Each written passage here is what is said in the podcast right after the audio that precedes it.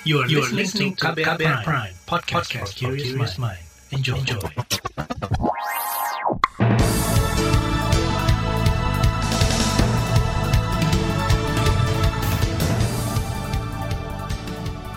Selamat pagi saudara, senang sekali kami bisa menjumpai Anda kembali melalui program Buletin Pagi edisi Kamis 20 Januari 2022. Bersama saya Naomi Liandra, sejumlah informasi pilihan telah kami siapkan di antaranya Undang-Undang TPKS harus lindungi korban kekerasan seksual secara komprehensif. Pembiayaan ibu kota baru dari dana PEN diprotes DPR. Ribuan jiwa masih mengungsi akibat banjir di DKI Jakarta. Inilah buletin pagi selengkapnya. Terbaru di buletin pagi. Pemerintah berkomitmen untuk segera mengesahkan RUU TPKS dengan berperspektif korban. Hal ini disampaikan Bintang Puspayoga. Dia memastikan pemerintah juga akan melibatkan partisipasi publik dalam pembahasan RUU TPKS bersama DPR yang telah disahkan menjadi RUU Inisiatif DPR selasa lalu. Kata Bintang, sebagaimana peraturan perundang-undangan yang berlaku, pemerintah bakal menerbitkan surat presiden serta menyiapkan daftar inventarisasi masalah atau draft tandingan. Hal itu akan segera dilakukan sebagaimana instruksi Presiden Joko Widodo terhadap gugus tugas percepatan pembahasan RUU TPKS bentukan kantor staf presiden kami terus dorong bagaimana kita mengerahkan segala daya upaya untuk melakukan berbagai upaya untuk memastikan tidak hanya agar rancangan undang-undang tindak pidana kekerasan seksual dapat segera dibahas dan disahkan, namun sungguh-sungguh menjadi payung hukum yang komprehensif yang melindungi masyarakat Indonesia, khususnya perempuan dan anak dari kekerasan seksual. Itu tadi Menteri Pemberdayaan Perempuan dan Perlindungan Anak Bintang Puspayoga. Hasil survei nasional 2021 yang dilakukan oleh Kementerian Pemberdayaan Perempuan dan Perlindungan Anak menunjukkan kasus kekerasan seksual masih marak terjadi, memaparkan 26 persen atau satu dari empat perempuan usia 15 sampai 64 tahun pernah mengalami kekerasan fisik maupun seksual. Dewan Perwakilan Rakyat memastikan RUU TPKS yang disahkan menjadi RUU Inisiatif DPR telah mengakomodasi hak-hak korban kekerasan seksual secara komprehensif. Wakil Ketua Badan Legislasi DPR, Willy Aditya, mengatakan tidak ada lagi hal-hal krusial yang masih menjadi perdebatan dalam pembahasan RUU tersebut. Adapun soal persetujuan seksual atau sexual consent yang telah dihapus sebab menuai perdebatan saat pembahasan di DPR juga tidak mengurangi perlindungan hak korban kekerasan seksual seksual? Kalau korban sangat komprehensif. Ada tiga hak korban yang diformulakan. Pertama adalah hak korban untuk penanganan kasus, hak korban untuk perlindungan kasus, hak korban untuk pemulihan. Jadi itu sangat detail sekali kalau untuk hak korban. Habis itu ada uh, hak keluarga korban dan hak saksi. Wakil Ketua Badan Legislasi DPR Willy Aditya memperkirakan RUU TPKS bakal selesai pada satu masa sidang. Terlebih pengesahan RUU TPKS ini telah dinantikan publik enam tahun lamanya. Komisi Nasional Anti Kekerasan Terhadap Perempuan menilai rancangan Undang-Undang Tindak Pidana Kekerasan Seksual RUU TPKS telah memuat kebutuhan perlindungan hak korban. Komisioner Komnas Perempuan Siti Aminah Tardi mengatakan, lima dari total enam aspek dasar yang harus terpenuhi telah diakomodir diakomodasi dalam rancangan tersebut. Ia berharap keseluruhan aspek hak korban bisa dimasukkan ke dalam RUU tersebut pada proses pembahasan oleh DPR dan pemerintah.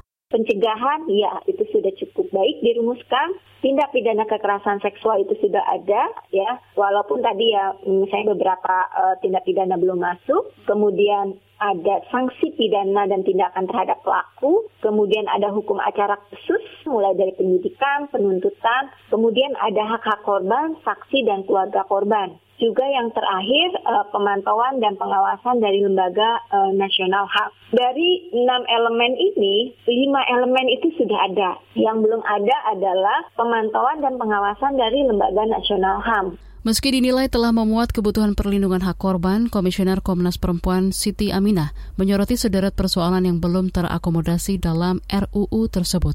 Semisal sanksi bagi perekayasa fotografi, perkawinan paksa, perempuan yang dilacurkan dan perbudakan, serta pemaksaan hubungan seksual.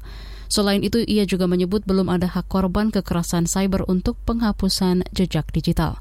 Masalah itu perlu dipertimbangkan pemerintah dan DPR, terlebih kasus kekerasan seksual yang dilaporkan ke Komnas Perempuan kian meningkat tiap tahunnya. Institut Reformasi Peradilan Pidana ICJR memberikan tiga catatan kritis pada rancangan Undang-Undang Tindak Pidana Kekerasan Seksual yang disusun Badan Legislasi DPR. Peneliti ICJR Maidina Rahmawati mengatakan tiga catatan itu meliputi pengaturan tindak pidana, pengaturan perlindungan hak korban, dan pengaturan hukum acara.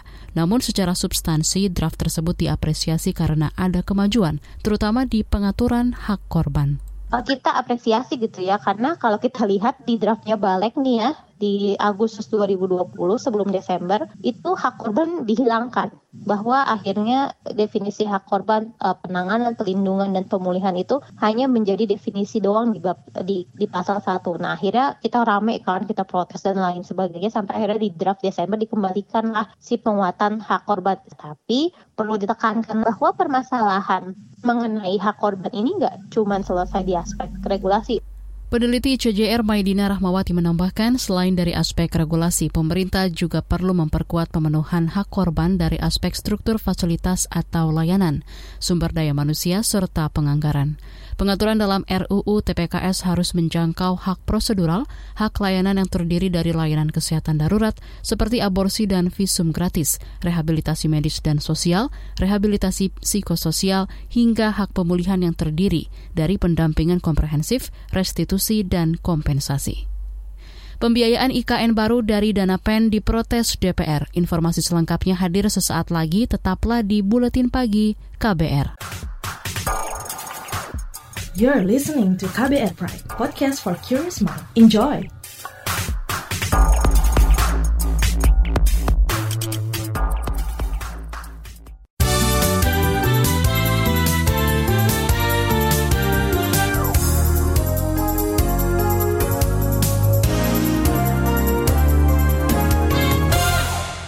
Anda sedang mendengarkan buletin pagi KBR.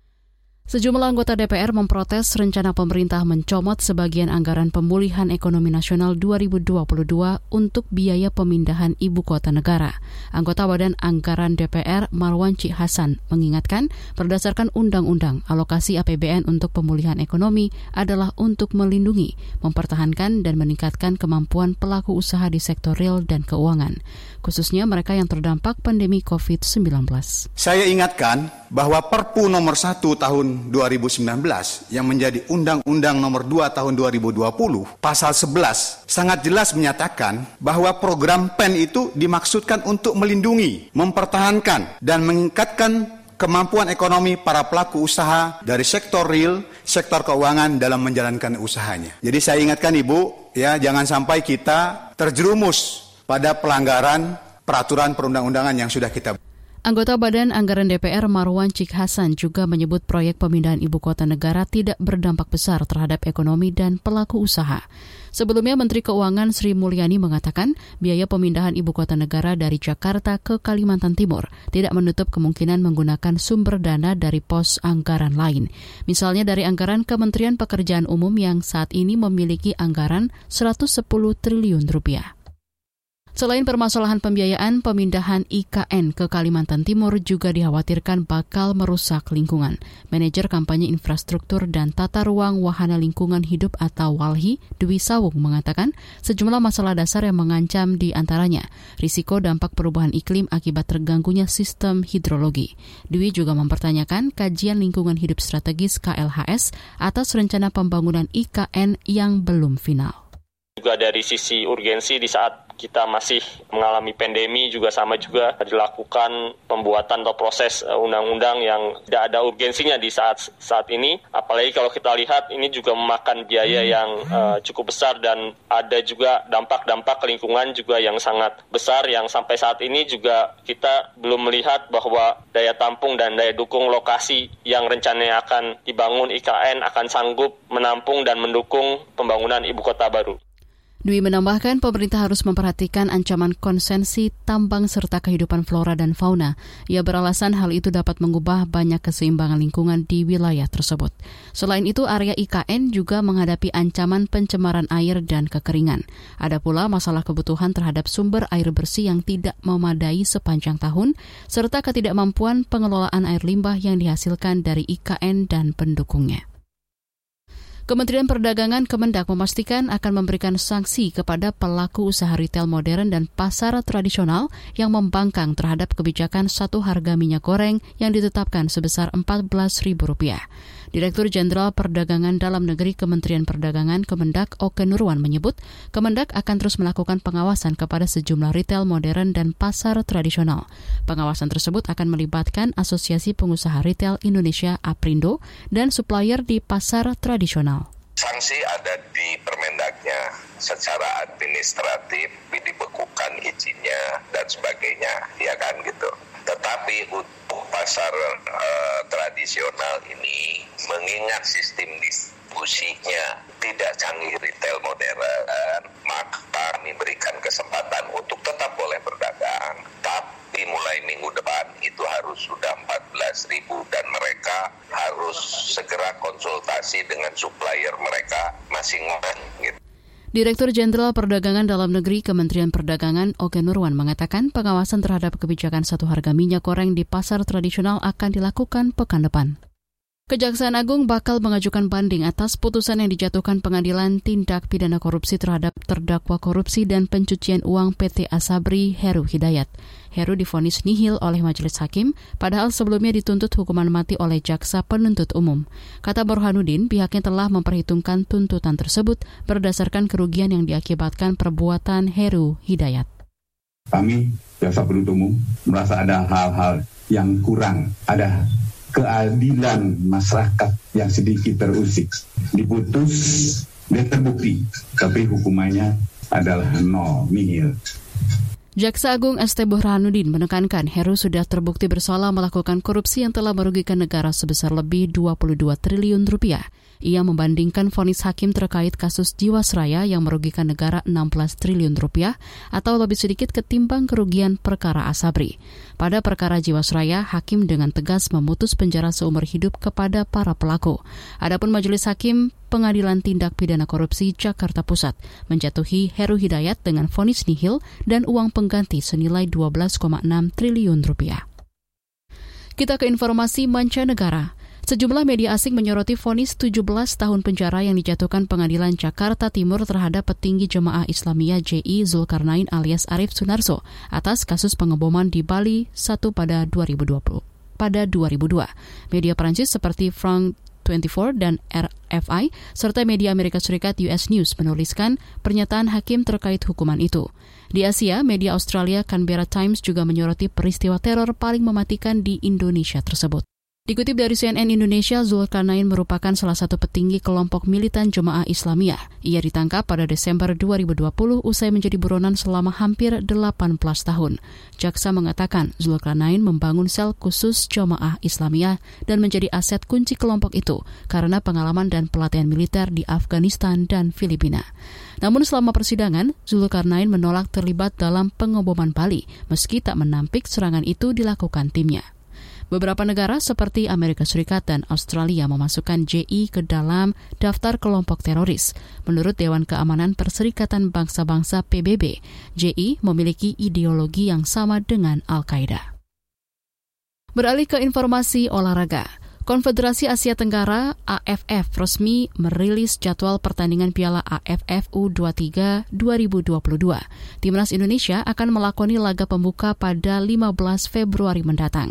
Tim asuhan pelatih asal Korea Selatan Sintayong itu tergabung di grup B Piala AFF U23 2022. Pada laga perdana, Timnas Indonesia akan menghadapi Laos di Prince Stadium Phnom Penh, tiga hari berselang timnas Garuda menghadapi Myanmar pada laga kedua. Pasukan Sintayong menutup babak penyisihan grup B dengan duel pamungkas melawan Malaysia di Morodok Techo National Stadium pada akhir bulan depan.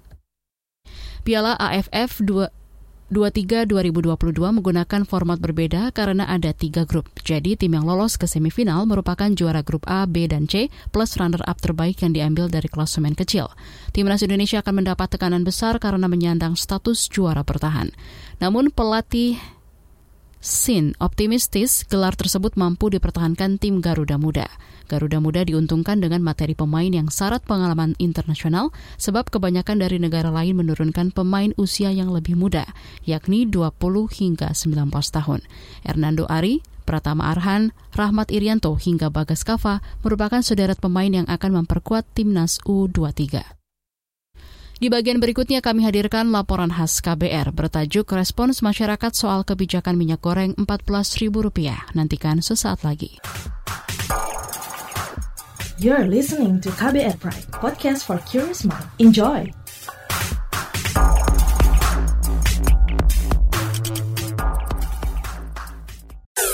Commercial break.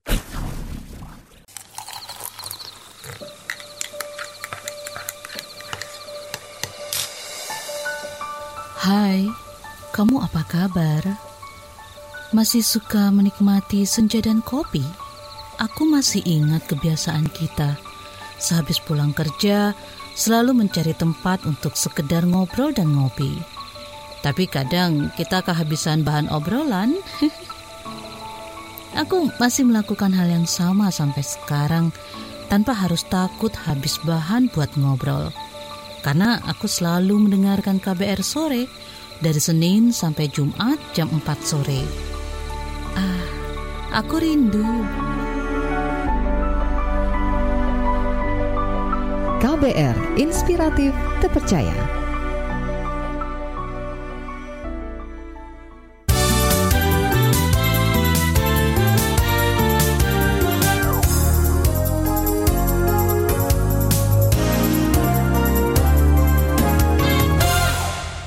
Anda masih bersama kami di Buletin Pagi KBR. Pemerintah mulai hari ini menerapkan kebijakan satu harga untuk pembelian minyak goreng yakni Rp14.000 per liter. Langkah ini dilakukan pemerintah untuk menekan harga minyak goreng yang melambung tinggi selama beberapa bulan. Lantas bagaimana respons masyarakat menyikapi keputusan itu? Selengkapnya simak laporan khas KBR yang disusun jurnalis KBR Astri Septiani. Harga minyak goreng melambung selama beberapa bulan ini. Kenaikan itu salah satunya disebabkan meningkatnya harga minyak sawit mentah atau crude palm oil CPO di dunia. Kondisi ini membuat sebagian besar masyarakat dan pedagang menjerit. Mereka mendesak pemerintah menurunkan harga minyak goreng yang mencekik. Merespon situasi tersebut, pemerintah membuat program satu harga minyak goreng mulai hari ini. Menteri Perdagangan Muhammad Lutfi menyebut program ini dilakukan pemerintah guna menekan harga minyak goreng yang selama ini terpantau tinggi. Saya juga menghimbau kepada masyarakat untuk tidak perlu panik buying atau membeli yang secara berlebihan karena pemerintah sudah menjamin bahwa pasokan dan stok minyak goreng dengan harga 14.000 per liter pasti dapat mencukupi kebutuhan seluruh masyarakat. Pemerintah menyediakan harga minyak goreng kemasan dengan harga khusus tersebut sebanyak 250 juta liter per bulan selama jangka waktu enam bulan. Khusus untuk pasar tradisional akan diberikan waktu penyesuaian harga menjadi 14.000 per liter selambat-lambatnya satu minggu dari tanggal pemberlakuan. Pemerintah menegaskan bakal terus mengawasi dan mengevaluasi penerapan kebijakan ini secara rutin minimal satu bulan sekali. Langkah pemerintah membuat kebijakan satu harga minyak goreng mendapat respon beragam dari masyarakat. Salah satunya Dede dari Jakarta. Dia mengaku mengapresiasi upaya pemerintah menurunkan harga minyak goreng. Meski begitu dia menilai harga Rp14.000 masih cukup mahal dibandingkan sebelumnya. Menurutnya, kenaikan harga beberapa bulan belakangan ini sudah cukup mencekik bagi masyarakat. Naiknya cukup signifikan ya, jadi berat sih buat saya saran saya sih dicoba untuk kembali ke harga yang sebelumnya gitu dan naiknya cukup banyak gitu ya kalau bisa dibalikin lagi kayak eh, dua puluh lima ribu atau mungkin dua puluh enam ribu seperti itu jadi buat uh, kita uh, yang konsumsi minyak gorengnya cukup banyak nggak berat juga gitu apalagi untuk orang yang jualan ya kayak warteg gitu itu pasti buat mereka berasa banget. Lain halnya dengan Ani, perempuan asal Depok, Jawa Barat. Dia mengaku tak merasakan dampak yang berarti dari kenaikan harga minyak goreng, sebab ia tidak menggunakan minyak goreng dari kelapa sawit untuk memasak, melainkan minyak zaitun dan kelapa. Alasannya lebih sehat. Namun ia tak punya pilihan jika membeli makanan di luar rumah, karena sebagian besar menggunakan minyak goreng dari kelapa sawit itu sebenarnya bagus banget ya kalau implementasinya memang tepat gitu. Kalau misalnya 14.000 ini berlakunya secara umum, kemudian nggak ada perbedaan harga antara di pasar tradisional, di supermarket ataupun di warung-warung kelontong, itu akan sangat memudahkan masyarakat karena uh, distribusinya tuh banyak gitu ya. Tapi kalau misalnya 14.000 per liter ini dijual hanya di tempat-tempat tertentu, nah itu yang mungkin nantinya akan menjadi problem karena masyarakat akan sulit sekali mendapat uh, si minyak goreng ini, mendapat akses ke minyak minyak goreng ini. Sementara itu kalangan pengusaha warteg menyatakan kebijakan harga Rp14.000 per liter belum terwujud di pasar tradisional.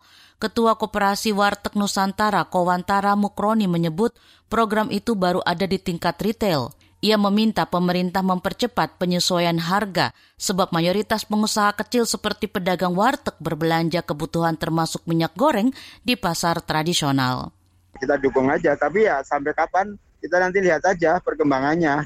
Tapi kan tidak tidak serta merta menurunkan karena di stok yang ada di pedagang di pasar itu kan mereka belanja kan kemarin dengan harga yang mahal ya, harga yang lebih daripada sekarang. Sementara kita uh, banyak belanja di pasar karena banyak item-item yang kita beli gitu kan, ada ikan, ada sayur, ada minyak gitu kan. Kalau cuma kita di Indomaret yang sekarang harga katanya 14, ya kita juga agak rugi juga. Artinya eh, harga yang kita inginkan ini harga yang ada di pasar gitu, yang ada di pasar tradisional gitu kan. Mukroni mengaku kenaikan minyak goreng belakangan ini sangat berdampak pada pedagang warteg. Kata dia jika kenaikan ini bertahan lama, maka pedagang warteg bakal menaikkan harga makanan yang dijualnya.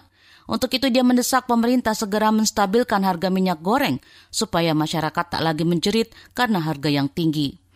Saat ini, jika tanpa kebijakan itu, harga minyak goreng kemasan dijual bervariasi, rata-rata di atas Rp40.000 untuk 2 liter. Demikian laporan yang disusun Astri Septiani. Saya Fitri Anggreni. Informasi dari berbagai daerah akan hadir usai jeda. Tetaplah bersama Buletin Pagi KBR. You're listening to KBR Pride, podcast for curious mind. Enjoy!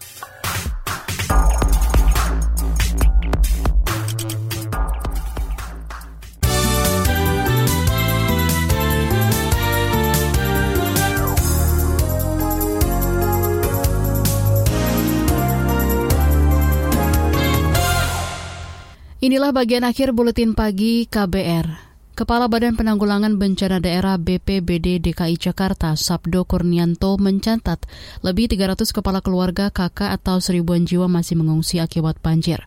Sabdo menuturkan Pemprov DKI sudah mendistribusikan sejumlah bantuan logistik untuk para pengungsi seperti makanan, perlengkapan bayi, selimut, obat-obatan, masker, penyanitasi tangan, dan kebutuhan pengungsi lainnya. Sabdo mengatakan pihaknya telah memberi peringatan kepada warga soal adanya potensi banjir pesisir. Masyarakat diminta tetap waspada dan siaga. Sementara itu, Sekretaris Dinas Sumber Daya Air SDA Provinsi DKI Jakarta Dudi Gardese menuturkan lebih dari 100 pompa mobile dikerahkan untuk menangani banjir, serta ratusan personil juga telah dikerahkan untuk terus memantau perkembangan banjir. Hingga Rabu sore kemarin tercatat ada sebanyak 102 RT terdampak. Komisi Pemberantasan Korupsi KPK menetapkan Bupati Langkat, Sumatera Utara terbit rencana perangin angin sebagai tersangka kasus suap pengadaan barang dan jasa. Wakil Ketua KPK Nurul Gufron mengatakan, selain Bupati Langkat, KPK juga menetapkan lima tersangka lain. Penetapan tersangka itu merupakan perkembangan terhadap delapan orang yang dicokok KPK dalam operasi tangkap tangan selasa malam. Dalam kegiatan tangkap ini, tim KPK telah mengamankan delapan orang pada Selasa tanggal 18 Januari sekitar jam 20.30 di wilayah Kabupaten Langkat, Sumatera Utara. Pihak-pihak yang diamankan pertama, saudara TRP, Bupati Kabupaten Langkat periode 2019-2024. Kedua, saudara SJ, PLT Kadis PUPR Kabupaten Langkat. Wakil Ketua KPK Nurul Gufron menambahkan lima orang tersangka lainnya berperan sebagai pemberi dan penerima suap. Di antaranya sebagai pemberi suap ialah Muara Perangin Angin selaku swasta atau kontraktor. Kemudian empat tersangka selaku penerima yaitu Kepala Desa Balai Kasih sekaligus saudara kandung terbit bernama Iskandar dan tiga swasta bernama Marcos Surya Abadi, Suhanda Citra dan Isvi Syafitra. Dalam kasus ini KPK telah menyita uang sebesar hampir 800 juta rupiah sebagai barang bukti. Beralih ke Jawa Barat, murid PAUD di Kecamatan Pasir Kuda, Kabupaten Cianjur meninggal sehari usai divaksinasi. Bupati Cianjur Herman Suherman mengatakan, setelah munculnya kasus tersebut, tim dari Dinas Kesehatan langsung turun ke lokasi untuk melakukan penelusuran informasi, memastikan penyebab kematian ZL. Hasil penelusuran menyebutkan ZL mengidap stunting dan memiliki riwayat penyakit, yakni pernah mengalami demam tinggi dan kejang. ZL sudah lolos screening sebelum vaksinasi dilakukan. Herman menduga orang tua ZL tidak jujur atau tidak mengetahui kondisi anaknya yang tidak memungkinkan untuk divaksinasi COVID-19. Namun untuk membuktikan penyebab kematiannya apakah berkaitan dengan kejadian ikutan pasca imunisasi atau KIPI, pemerintah setempat masih menunggu kajian dari Komnas KIPI. Di sisi lain, Kepala Dinas Kesehatan Kabupaten Cianjur Irfan Nur Fauzi menduga penanganan darurat yang kurang tepat saat kejang menjadi pemicu, selain kemungkinan ada cairan yang masuk ke paru-paru saat terjadi kejang. Informasi tadi menutup jumpa kita di Buletin Pagi hari ini. Pantau juga informasi terbaru melalui kabar baru, situs kbr.id, Twitter kami di akun @beritaKBR, serta podcast di alamat KBR Prime. Akhirnya saya, Naomi, bersama tim yang bertugas undur diri. Salam.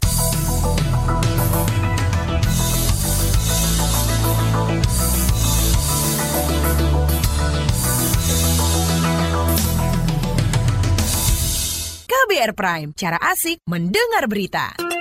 KBR Prime, podcast for curious mind.